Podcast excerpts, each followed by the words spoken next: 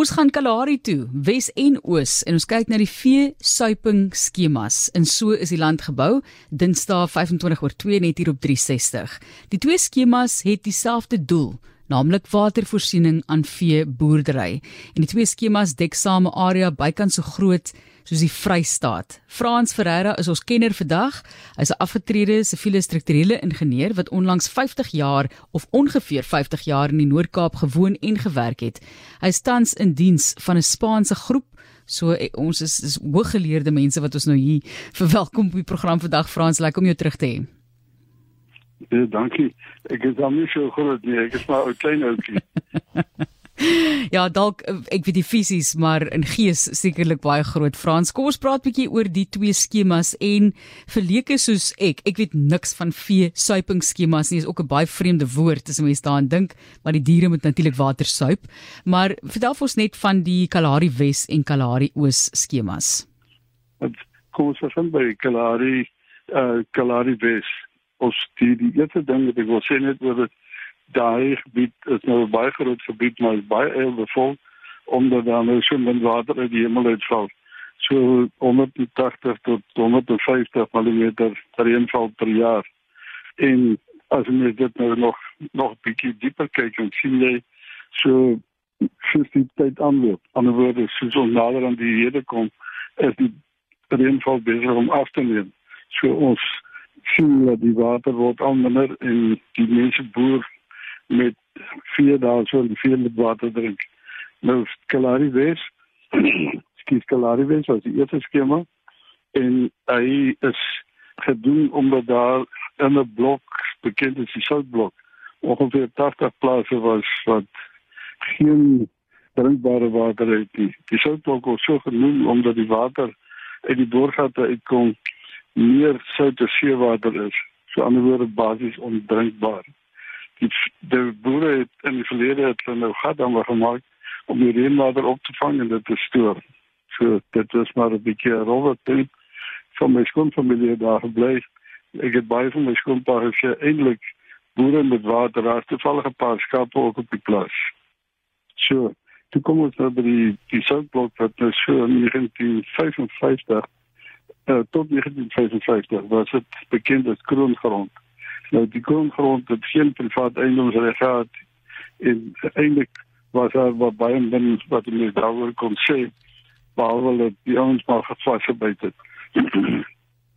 Toe begin hulle toe die eiendomsreg is oorgedra aan die die staat aan privaat boere en een van die uitdruklike voorwaardes was dat daar sou nooit vir die staat van nooit verantwoordelik wees vir watervoorsiening So toe drie jaar later kom die eerste vertoer van die mense wat daar boer en vra kan die staat nie tog help nie.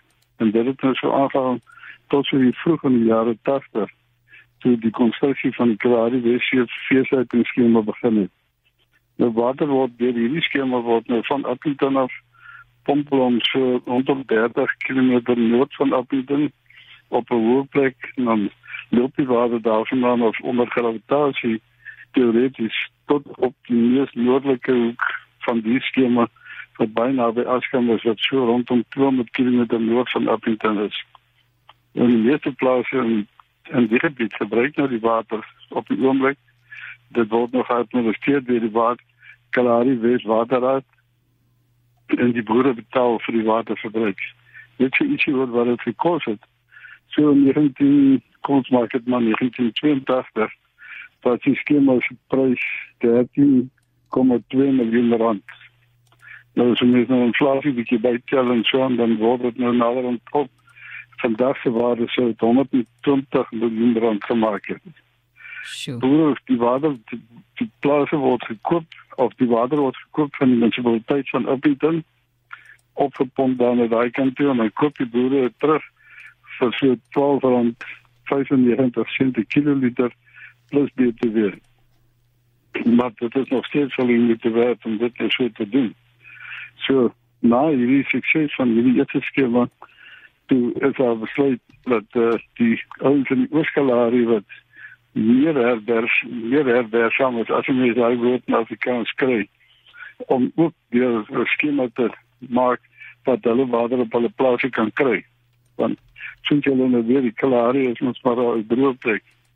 Toe is aan nou begin om uh die die skema kon nie van Apita na voorsien word nie en hy word nou voorsien van uh Katu en die oostelike kant van die stelsel en die water loop deur van uh oos na wes tot omtrent die naby uh Askom Shellfeathers Askom tot die versus meer met so in die ronde van 1000 km se pipelines wat uh nou die water vervoer oor die skema en dan word dit nou uh die water word opgepomp tot in die noordelike grens van Suid-Afrika omtrent verby van Sentrus en die boere word dan nou gevoed uit die lyn uit wat nou basies die taklyne loop almal noord-suid.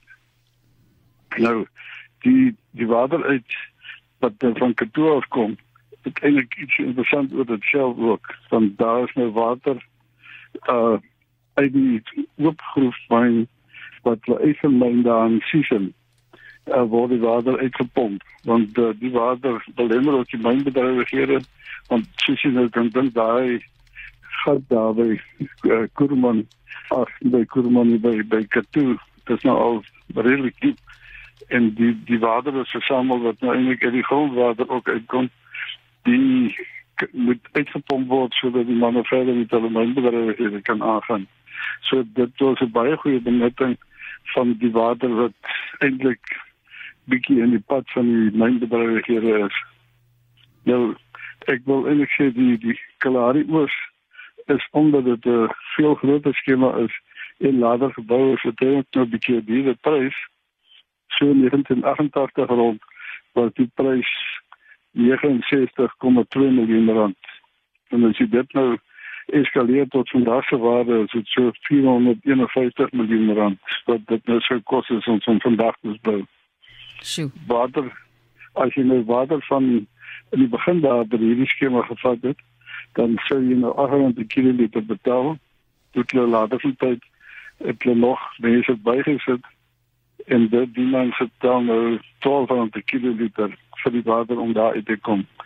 Maar in goeie Afrikaans dat die twee vier vier skeps vier skemas in die teerpad vanaf Appington na die Kalahari oorgerispad het enige Kalahari maak gemaak want jy kan vandag kan jy enige plek in Kalahari uh, 'n lekker uh uitstap hê waar daar teerpad is daar genoeg water is daar genoeg en baie van die plase word vandag eintlik weer benut vir vir al die wat in die veldblokke word weer benut vir wild uh, boerdery wat dit nou vir skaapboerdery benut word.